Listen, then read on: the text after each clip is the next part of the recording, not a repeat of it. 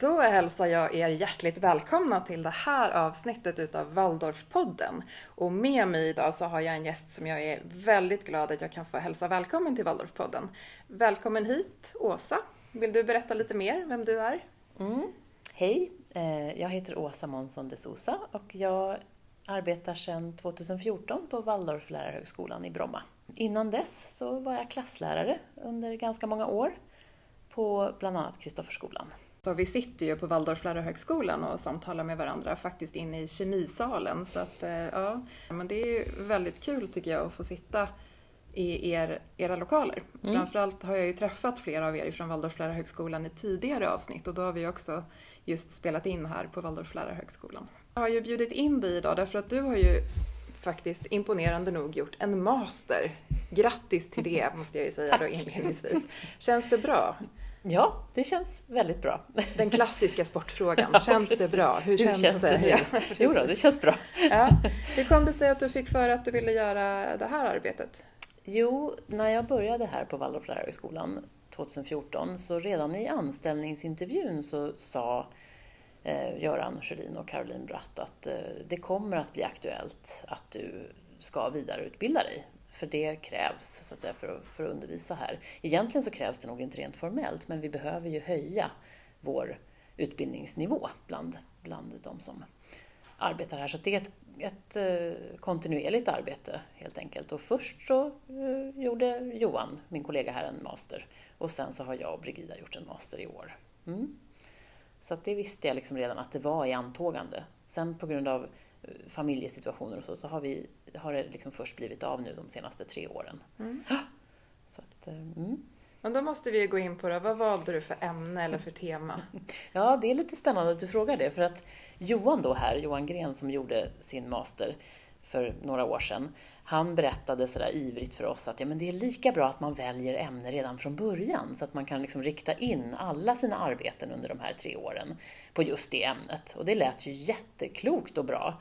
Eh, och jag tänker all litteratur man ska läsa, då kan man liksom redan sådär rikta in sig på det från början. Men, men så blev det inte alls för mig, utan jag märkte att jag behövde vara öppen för för liksom vad som kom. Vi gjorde ju små forskningsprojekt och vi har liksom, så att säga, arbetat med de olika delarna i en masteruppsats under utbildningens gång och gjort det som olika assignments då som man lämnar in. Eh, och jag har inte alls haft det ämne som jag sen valde för masteruppsatsen för de här andra, utan jag har haft olika, olika inriktningar på dem. Och för mig så var det eh, liksom rätt väg att gå, tror jag.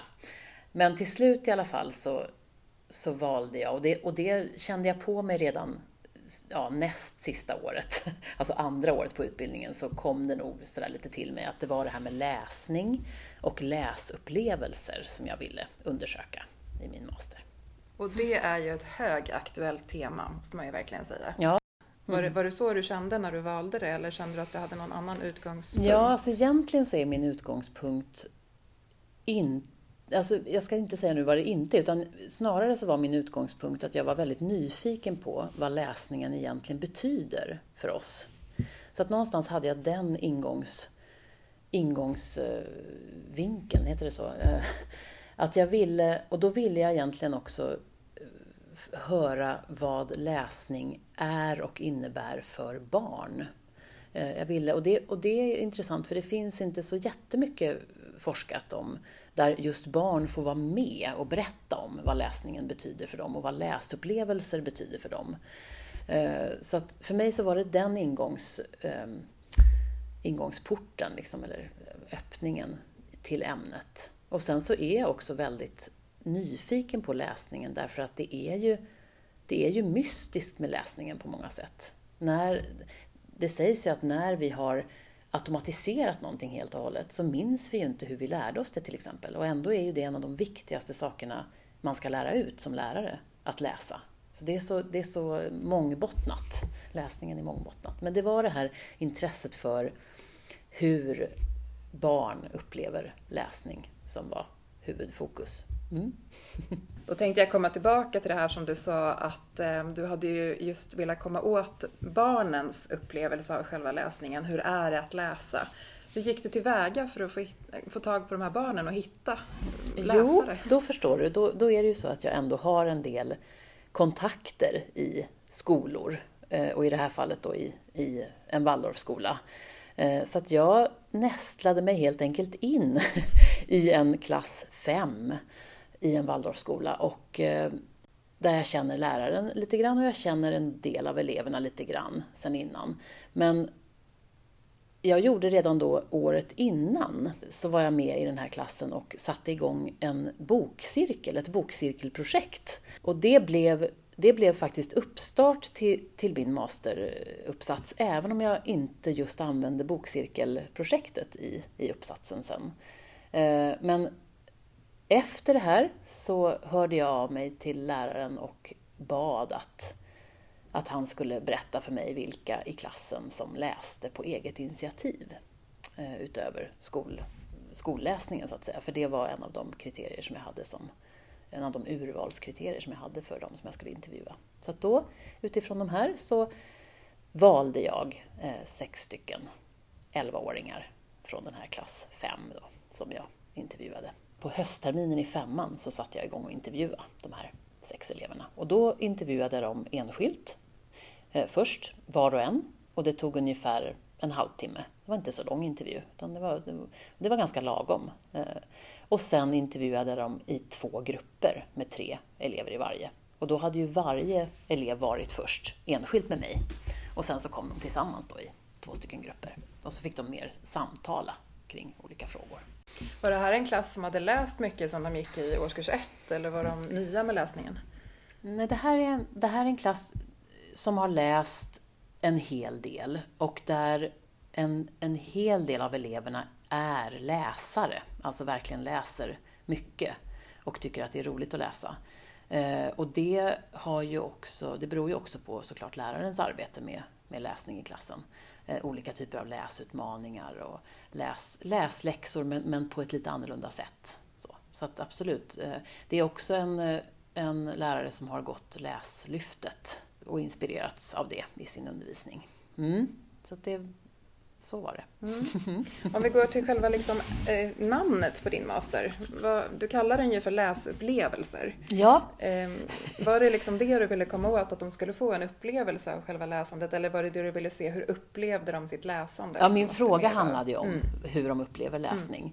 Och då tänkte jag först, för jag såg på andra masteruppsatser och tänkte det var så snajsiga rubriker och, och titlar och, och sådär. Och ofta klämde man till med något väldigt häftigt liksom i underrubriken. Så att jag hade ganska så svårt att hitta eh, till en början då när jag var ute efter något lite mer sådär, ja, wow, så.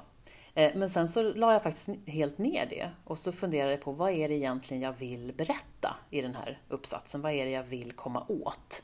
Och då blev istället eh, titeln liksom väldigt, ja vad ska man säga, den är ganska rak och enkel. Den är läsupplevelser och så undertitel Elevers upplevelse av läsning som inspiration för läsning i skolan. Så, helt enkelt. Um, men fokus är elevernas läsupplevelser. Mm. och hur många är det som har tagit del av den här nu då? Har du presenterat den på något sätt och blivit inbjuden ja. kanske någonstans att berätta om den och så? Alltså det är ju lite intressant. Eh, det är ju nog kanske inte jättemånga som har läst den än.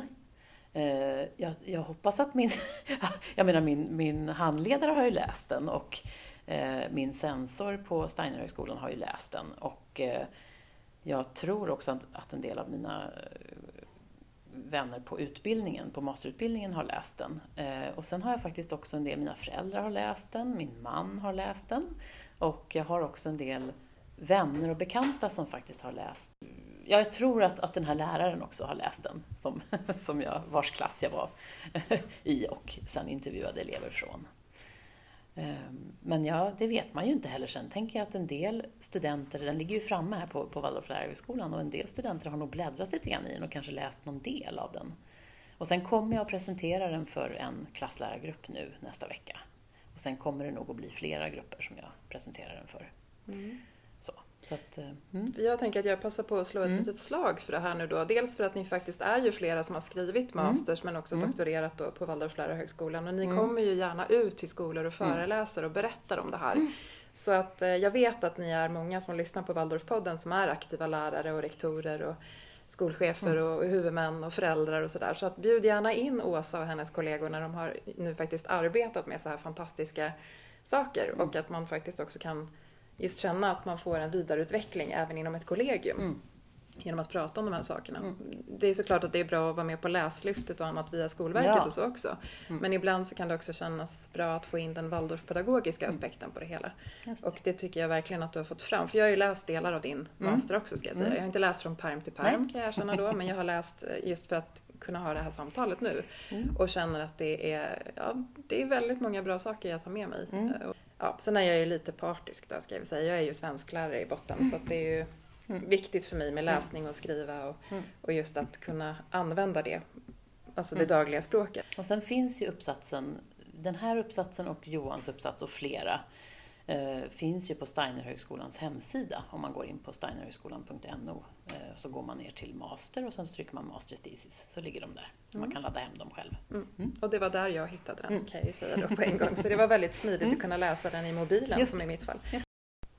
Jag tänkte vi skulle komma in lite grann på då vad du kom fram till för något i din master. Och, och, det kanske inte alltid är att man kommer fram till någonting. Det brukar jag säga till eleverna i skolan att det viktiga är ju vägen, mm. vägen man går så att säga. Man får mycket tankar och idéer men mm. ibland kommer man ju ändå fram till några slutsatser på något mm. sätt. Sådär. Har du några sådana som du fick med dig? Ja, alltså först vill jag säga att det var väldigt spännande för att när jag gick in i det här arbetet så så visste jag faktiskt inte riktigt vad det var som skulle komma ut. Och det kanske låter som att det alltid är så när man forskar.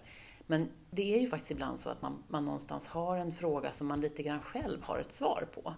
Och så, och så väljer man att fördjupa sig i den. Och då kan det ju komma fram nya saker, men, men det kan också vara så att man bekräftar så att säga, det, man redan, det man redan vet.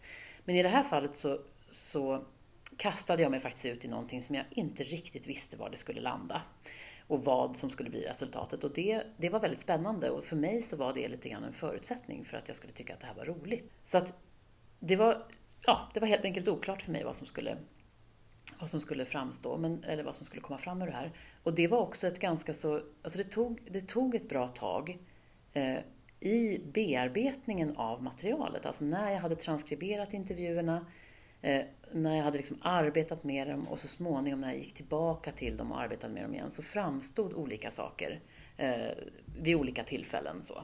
Men, men några saker upplevde jag framstod tydligt. Och nu tittar jag lite här i mina papper bara för att kunna säga vad.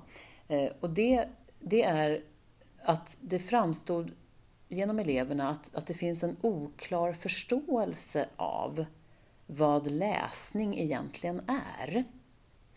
Eh, där, där det också ingår så att säga outtalade eh, förväntningar på läsupplevelser till exempel. Alltså förväntningar som man inte uttrycker men som vi ändå så att säga i samhället har. Eh, och överhuvudtaget så är läsningen rätt så behäftad med olika typer av föreställningar som kanske tidigare har varit mer uttalade. Men som jag upplever nu och som eleverna då berättar också om, inte eh, det känner man inte till nu på det sättet. Eh, en sån enkel fråga om var, var, varför ska man läsa? Det var inte helt, det var inte helt klart. Svårt att svara på. Och de, upp, de, de, skrev, de sa ju också eleverna att, att, att de hade nog inte riktigt haft någon som hade berättat om vad läsningen kunde innebära. Så det var en av de saker som, som framstod ganska tydligt. Ehm, och sen har jag skrivit också att, eh, eh att överhuvudtaget läsupplevelserna, vad de kan, vad de kan innebära, är, har också kommit fram en del om. Det har också eleverna berättat om. Och sen då en väldigt viktig sak tycker jag för, för alla, men också spe, kanske speciellt för skolor och för lärare, att möjligheten att det är också någonting annat än själva läsförmågan som påverkar eh, och blir viktigt för läsupplevelsen. Eh, så, så de, de tre skulle man kunna säga är huvud, huvuddelarna, eller huvud, ja, det som jag kom fram till i huvudsak. Ja, det blir lite bättre på, jag har skrivit inledningen här på engelska och de, på ett sätt så täcker de engelska begreppen in, in det mer. Men nu har jag förklarat det på svenska. Mm. ja. Och det är ju jättespännande saker. Mm. Ehm, för jag tänker också, om jag kopplar det vidare till, vi pratar ju lite grann inför det här eh, avsnittet, så jag brukar alltid ha lite försnack med mina mm. gäster så att man har lite koll på vad man ska prata om och vad man tänker och sådär.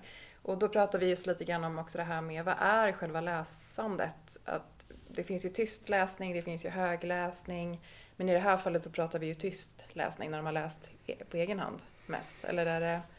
Ja, det här är ju intressant därför att masteruppsatsen fokuserar ju på det som jag då kallar för upplevelseläsning.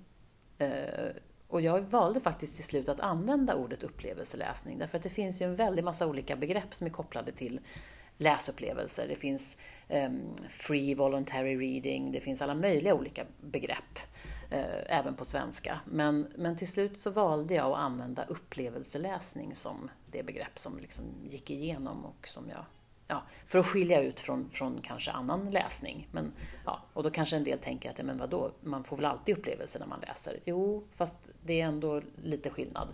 Sådär. Och jag skulle väl bara vilja flika in mm. att, att allt beror ju också på vilken läsförståelse man har. Mm.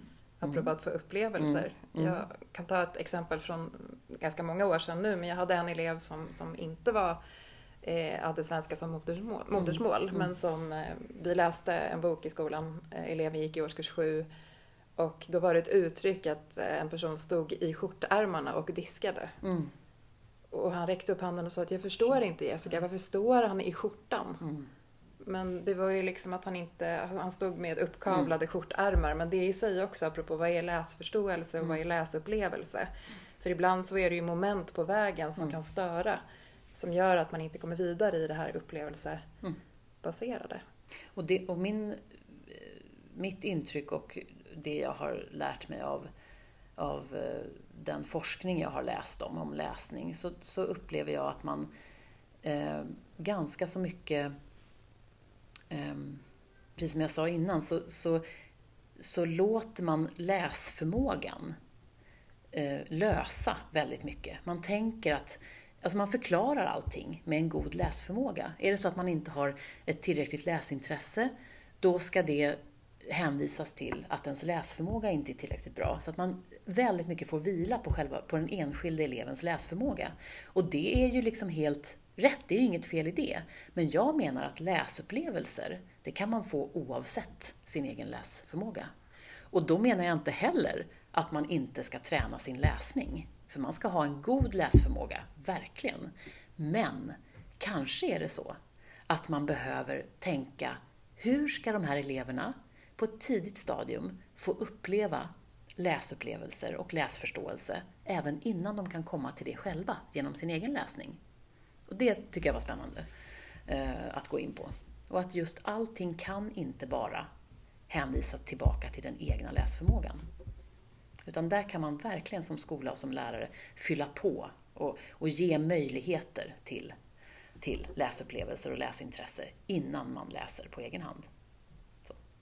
Det är en viktig pedagogisk tanke. Jag tänker på det också att nu gjorde ju du din master då i Norge och det var ju mm. en, en eh, norsk lärare som du hade som då gick igenom och läste och examinerade. Eh, eller man examineras inte, vad gör man? Man har att man... Eh, ja, du menar när uppsatsen lades ja, fram? Ja, då har man något som kallas för en censor i Norge. Ja, mm. En opponent skulle man väl kunna säga. Precis, ja. ja. Mm. Eh, och jag tänker att det, det skiljer sig väl ändå lite åt mellan Norge och Sverige, just det här med vad vi har för krav på läsning, om vi kommer tillbaka mm. till det. Först vill jag bara förtydliga att, att utbildningen sker ju på engelska. Mm. Så, att, så att alla situationer där man också den här fram, när jag la fram masteruppsatsen, då sker ju all korrespondens, alltså all kontakt sker på engelska. Så att presentationer och utbildning och föreläsningar och så är på engelska. Men ja, det, det är ju spännande. Jag har inte jättemycket inblick i, i eh, den norska läsningen så att säga i skolan, men jag har ändå en viss eh, inblick därför att jag undervisar också på Oslokursen på somrarna och har då många lärare från Sverige men också många lärare, Waldorflärare från Norge som kommer och då är det just läs och skriv mycket som jag, som jag föreläser om. Eh, och då kan man ju märka att det finns en annan, det finns en annan eh, ja vad ska man säga, man kan kalla det för möjlighet. De har en annan möjlighet i Norge därför att de har en godkänd egen kursplan. Waldorfkursplanen är så att säga, den, den är godkänd. De behöver inte följa en statlig annan läroplan, så som vi här i Sverige alltid har behövt göra. Eh, och, så det, det öppnar ju upp för möjligheten att eh, att bestämma lite mer själva och vara lite mer självständiga kring när man gör vad och hur man gör det. Så. Eh, och vi här i Sverige är väl kanske inte så...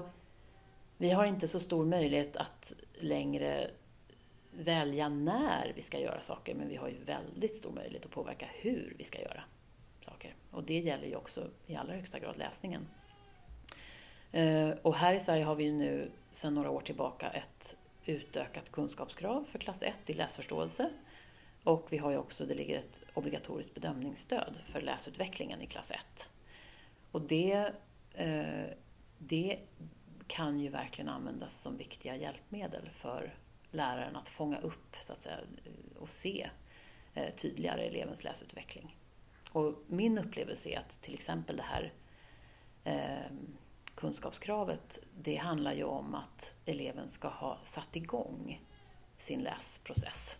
Eh, alltså att, att man ska ha börjat. Eh, så. Och det tror jag är viktigt att man har gjort. Jag vill komma tillbaka till det här du sa i det här med huret. För att det är ju många som hör av sig både till oss på Waldorfskolefederationen och kanske även till er på Waldorflärarhögskolan och ibland så får vi just eh, de här frågorna, men hur ska vi bevara det Waldorfpedagogiska? Vi håller mm. på att urvattna det. Vi gör som Skolverket vill, vi gör som regeringen vill och så vidare. Ehm, jag skulle någonstans vilja öppna upp lite för att man kanske kan vända på det, för du sa det så bra alldeles nyss här. Det här huret, hur gör mm. man det? Mm. Att där har man ju enorma friheter. Mm. Och där går det ju i allra högsta grad att koppla det till det Waldorfpedagogiska. Mm. Men jag tänker utifrån läsupplevelsen, om vi går tillbaka till det, att, och läsförståelse och att liksom få, få med sig det på vägen, att det är väldigt, väldigt viktigt. Framförallt som i mitt fall, när man tar över klasser i högre årskurser, mm. så ärver man ju också en läskultur.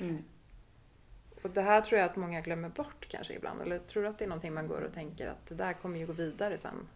Alltså jag har ju jobbat mycket med det här med läsning och jag har ju försökt att, att sätta mig in i hur det Waldorfpedagogiska relaterar till läsning och också hur Rudolf Steiner skriver om läsningen. Och, och det finns ju en del det finns nog en del som är lite kulturellt betingat så att säga, i det här. Det har blivit till kulturer i, Waldorf, eh, i Waldorfskolorna. Eh, men det finns också traditioner och det finns också saker som så att säga, vilar på Rudolf Steiners uttalanden om, om läsning. Eh, och jag jag nämner bara det kort, men, men jag tänker att så, så som jag tolkar det och förstår Rudolf Steiner så, så skriver han egentligen mestadels om tekniken att läsa. Och den har han väldigt stor respekt för. Han menar att det är en väldigt, alltså det är en, eh, det är en ganska så ansträngande och abstrakt process. Eh, som han nog egentligen menar att man inte riktigt är mogen för när man, när man börjar skolan. Men han säger däremot inte att man inte ska lära sig läsa. Men det som är viktigt är att man får skriva sig in i läsandet och att man hela tiden bearbetar detta ganska så abstrakta konstnärligt. Så att han menar att, att, att läs, läsämnet så att säga, och skrivämnet eh, behöver helt och hållet vara genomsyrat av det konstnärliga arbetet. Eh, och det har man ju stora möjligheter att att verkligen göra. Och sen är det också viktigt att veta att i Waldorfpedagogiken så utgår ju inte eh, de första åren i skolan från färdigheter, förmågor och kunskapsutveckling. Även om det är såklart någonting som finns med. Men det utgår ifrån upplevelser, känslor, fantasi. Att barnet kan koppla det som pågår i skolan till sin sina eget, sitt eget känsloliv. Eh, och inte bara igen. Men i, i, relation till läsningen är det här jätteviktigt. Eh, att, eh, och det är också någonting som kommer fram i, i uppsatsen, att, att kanske är det så att det finns andra saker som är viktiga för eh, att kunna skapa inre bilder när man läser, än läsningen själv, alltså läsförmågan. Eh, så det, det tycker jag är väldigt spännande och då har ju Waldorfpedagogiken verkligen en möjlighet där man ju tilltalar och tar så att säga också barnens känsloliv i anspråk till en början. Och fantasi, fantasiutveckling och upplevelser. Mm. Och det gör ju vi genom att berätta till exempel folksagor i ettan. Eh, och berätta om legender och fabler och natursägner i, i, i tvåan. Och det, är inte bara, det finns inte bara därför att det ska vara liksom någonting som ska utveckla kunskaper om de här, utan det, det handlar om att man också ska få uppleva och knyta an till sitt känsloliv. Och det där är, ja, det är så viktigt det du säger nu. Jag känner att det, det här kan inte nog betonas. Hur, hur, viktigt det är att just, dels som du säger, läsupplevelsen i sig, det är en sak. Att kunna ha läsförmåga är också mm. en sak. Mm. Men att faktiskt kunna koppla, återigen det här med mm. läsförståelse. Mm. Vad är det jag läser och vad mm. sätter det an för en ton inne hos mig? Mm. Det tar ju många, många år innan man kanske är där. Beroende på vad man har för bakgrund och miljö och vana och, och så. Men jag tycker ändå att man kan märka ganska tydligt, och jag vågar säga det här efter att ha haft fem klasser som jag varit klassföreståndare för, där jag har ärvt dem så att säga efter andra klasslärare, så mm. vågar jag säga att det märks tydligt när man har jobbat på det här sättet som du beskriver. Att man liksom börjar med sagorna mm. och berättandet och lyssnandet och sen utifrån det får börja sätta ord på saker själv och, mm. och liksom få med den här delen. Jag, jag kan ju tänka ibland när jag, när jag håller på sådär som, som mest med, med Rudolf Steiner och läsningen att, att han skulle nog skrivit jag tror att han skulle tyckt det var roligt att få skriva istället om det som händer när man har fått till en läsning som flyter så pass bra så att man kan skapa inre bilder. Därför att det tror jag han skulle kunna koppla till det inre bildskapande som vi ju månar väldigt mycket om i de första årskurserna i, inte bara de första årskurserna, men där det verkligen bygger på det genom att sagans eh, liksom, bildspråk och, och så.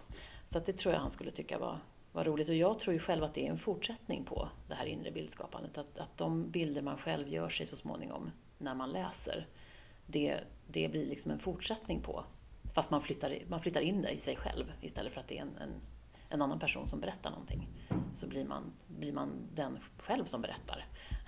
Genom att man har varit väldigt noga med att inte jag vill inte ge pekpinnar till någon överhuvudtaget. Därför att lärare gör ett fantastiskt jobb varenda dag i skolan. Och det jag har önskat är att ge dem inspiration och möjligtvis idéer till hur man skulle kunna tänka och göra kring, kring det här.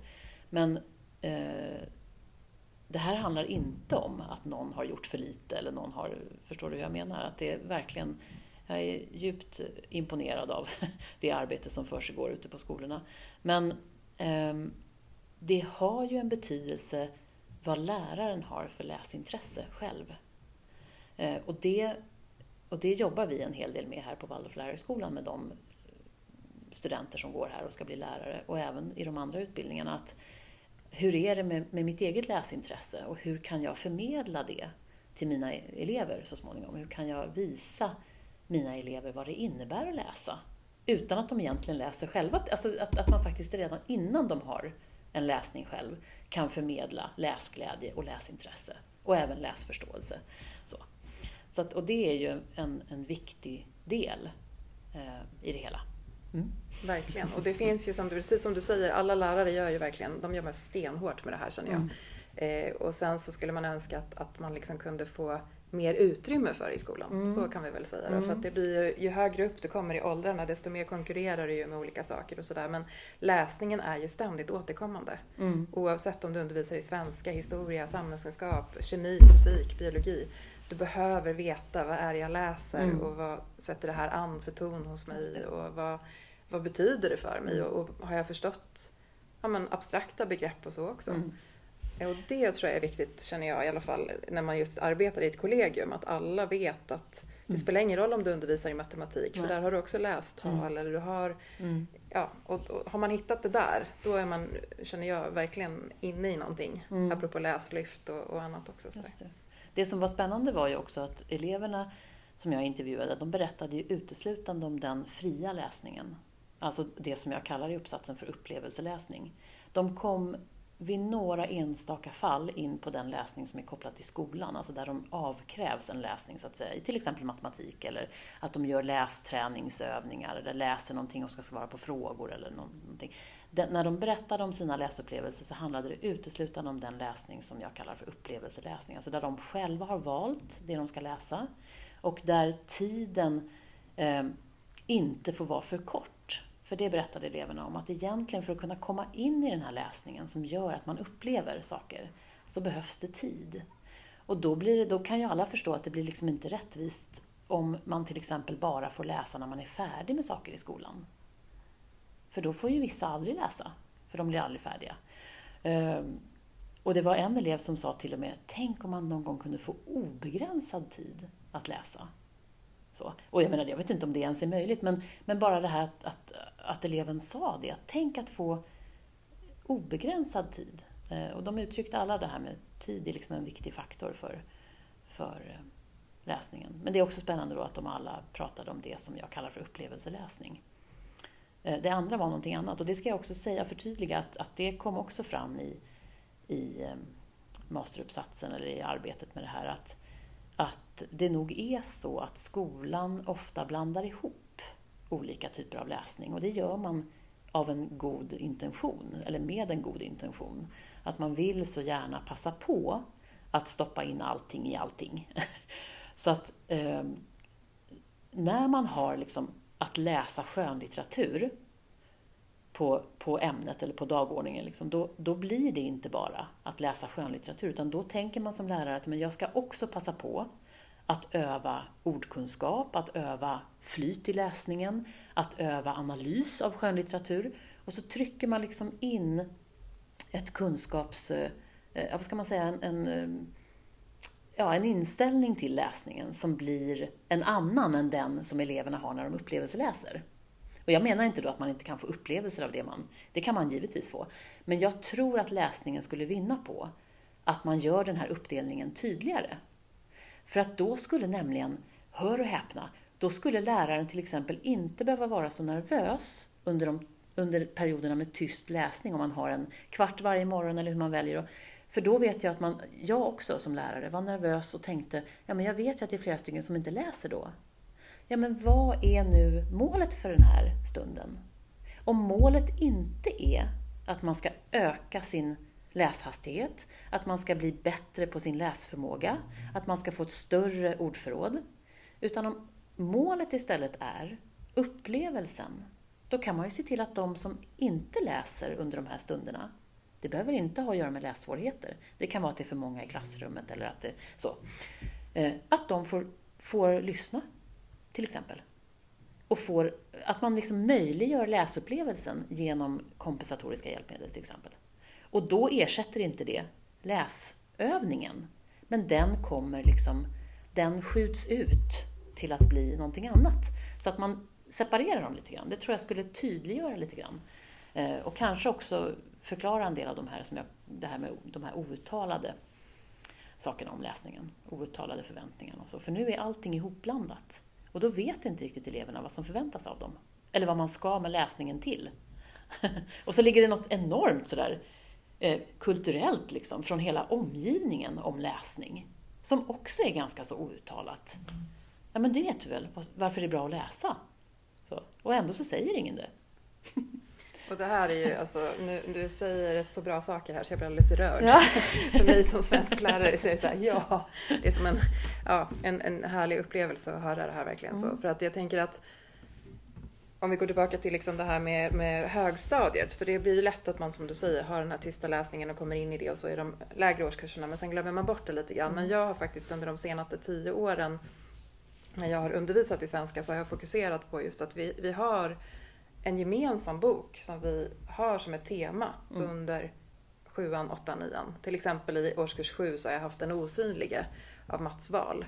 Och då har vi inte fokuserat på det här som du säger, att de ska kunna liksom läsförstå eller att det liksom, utan vi har fokuserat på vi läser mm. och vi läser den här gemensamt. Mm. Vad upplever vi? Om jag upplever att det är så här eller jag tänker så här, det finns inga rätt eller fel. Utan det är liksom det är själva det här att vi har en gemensam nämnare. Mm. Vi har den här boken. Och vad vi gör med den, det är någonting annat. Mm. Sen har det ändå hänt att jag utifrån boken, till exempel på samhällskunskapen, har kopplat in och sagt att men vänta lite nu, det är lite teman här i som kanske känns så här viktiga på mm. samhällskunskapen. Men då har vi tagit det där. Mm. Och så har man liksom kunnat hålla isär. Och historik och sådana saker också. Just det. Och det där har i alla fall jag känt har varit viktigt. Mm att vi på något sätt har sett att oj, här har de ju satt ord på saker men vad är det vi förstår av det? Mm, just det. Och då upplever jag i alla fall att de har kommit in mer i läsandet och också verkligen varit jättenoga med att vi ska avsluta. Det ska Mm. inte vara sådär Nej. hänga i luften. Precis. Utan alla vill veta hur har det gått, Ja. hur går det liksom Ja. sådär. Och det, det är också någonting. Jag tänker att det som, det som jag tycker är viktigt också med läsningen och som jag också har tagit upp i den här uppsatsen, det är ju att, att läsningen har ju olika nivåer. Eh, och, och det där tror jag, jag tror att alla egentligen vet det och det, det tillhör också vårt liksom, dagliga tal om, om, om läsningen. Men, men eh, kan ändå vara bra att, att nämna dem, tänker jag. För det, då brukar man kalla dem för läsförståelsenivåer. Och då är, då är den första nivån att läsa på raderna. Och då handlar det om att man kan läsa Eh, på ett sätt så att man förstår vad det står i texten och man kan göra en sammanfattning. Man kan svara på frågor som har med texten att göra. Ehm, och den här läsningen känner vi ju alla igen. Den har vi alla gjort i skolan på olika sätt och den gör man ganska högt upp i åldrarna. Den nationella prov handlar också om den här typen av läsning till exempel. Inte bara, men också. Och sen nästa nivå eh, är att läsa mellan raderna och det har vi ju hört allihopa som ett talesätt, att det är någonting man säger Eh, om. Då vet man att då har läsningen gått vidare till att bli någonting annat, nämligen att man själv är med man är medtolkare av texten och därmed också medskapare av det som händer i, i det man läser. Man tar liksom in det på ett annat sätt i sig själv och blir en medtolkare i det man läser. Och man kan också nu börja, i den nivån av läsförståelse, så kan man börja fundera på vad, vad är det egentligen författaren har velat med den här texten? Och finns det någon underliggande mening och hur, hur är det liksom? Finns det någonting bakom det här som, som, som lyser fram och sådär? Och sen finns det en tredje nivå som heter att läsa bortom raderna. Och det är, alltså då, då är det så att, att man, man ställer sig frågan, på vilket sätt har det här jag har läst nu påverkat mig i mitt liv? Har det till och med förändrat mig? Är jag inte samma person nu, efter jag läste det här, som innan jag läste det här? Eh, och det, man märker att det blir ju helt omvälvande att tänka på den läsförståelsenivån. Eh, och jag tror ändå att, att, att att man ändå har en del eh, läsupplevelser som just har varit av den här sorten. Och den brukar man också koppla till bildning. Alltså att, och faktiskt det, det, också det tyska bildningsbegreppet Bildung. Att, liksom, att det helt enkelt har med livserfarenheter att göra. Eh, och så. Det tycker jag är väldigt spännande. Och att man, man som lärare är noga med att man tänker att det här är liksom ett livslångt projekt. Läsandet är någonting som vi håller på med hela livet och som vi utvecklar hela livet. Och att vi inte stannar vid att läsa på raderna. För det är mycket i skolan som handlar om det. Och det är viktigt i sig. Men det är en del av det. Och de andra måste få vara med också. Och där tror jag upplevelseläsningen liksom har sin givna plats, faktiskt. Så. Igår faktiskt i Expressen så skrev en eh, krönikör som heter Jens Liljestrand ett inlägg om det här med läsning och jag blev lite full i skratt ändå för jag tänkte att nu var det här eh, riktigt perfekt i tiden för dig och mig för vi hade ju bokat in det här mötet redan då. Eh, men han skriver ju det att det får vara slutdaltat. Vi får inte hålla på och skämma bort barnen så här mycket och läsa högt för dem och så utan de måste tvingas till läsning. Hur tänker du kring det? Ja, det här är intressant därför att Därför att det, det är verkligen inte riktigt så enkelt. och det tror jag inte han egentligen menar heller. Men eh, jag, jag, tror ändå att vi alla kan se och förstå att om vi inte utmanas, oavsett var någonstans vi befinner oss i vår utbildningshistoria eller i, alltså hur gamla vi är eller så, så kommer vi inte att, att alltså vi kommer att hindras av det. Eh, jag hade inte vågat göra vissa saker om inte någon hade tvingat mig att göra det. Och sen efteråt kunde jag verkligen känna att wow, liksom, att jag ändå tog det här steget. Och det berodde på att någon faktiskt utmanade mig. Och det får man inte glömma bort pedagogiskt. Och sen är det klart att sen är det ligger väldigt nära till att liksom knäcka någon. Alltså att det blir för mycket för någon. Och jag tänker då till exempel på det här med talängslan eller alltså att man inte vill fram, gå fram framför de andra i klassen och prata och så här. Och och det här är någonting som, som alla lärare står mitt i. Hur mycket ska man pressa och hur mycket ska man liksom stödja? Och, och för mycket stöd, det blir att skälpa. Det, det vet man. Det, det går inte. Vi kan inte kompensera bort allt, eller kompensera liksom allting. Men jag tror att om man skulle dela upp läsningen, lite grann så som jag skriver om i min masteruppsats, så skulle man kunna liksom faktiskt sätta in kompensatoriska hjälpmedel, till exempel när det handlar om att väcka läsintresse och få uppleva saker kring läsningen.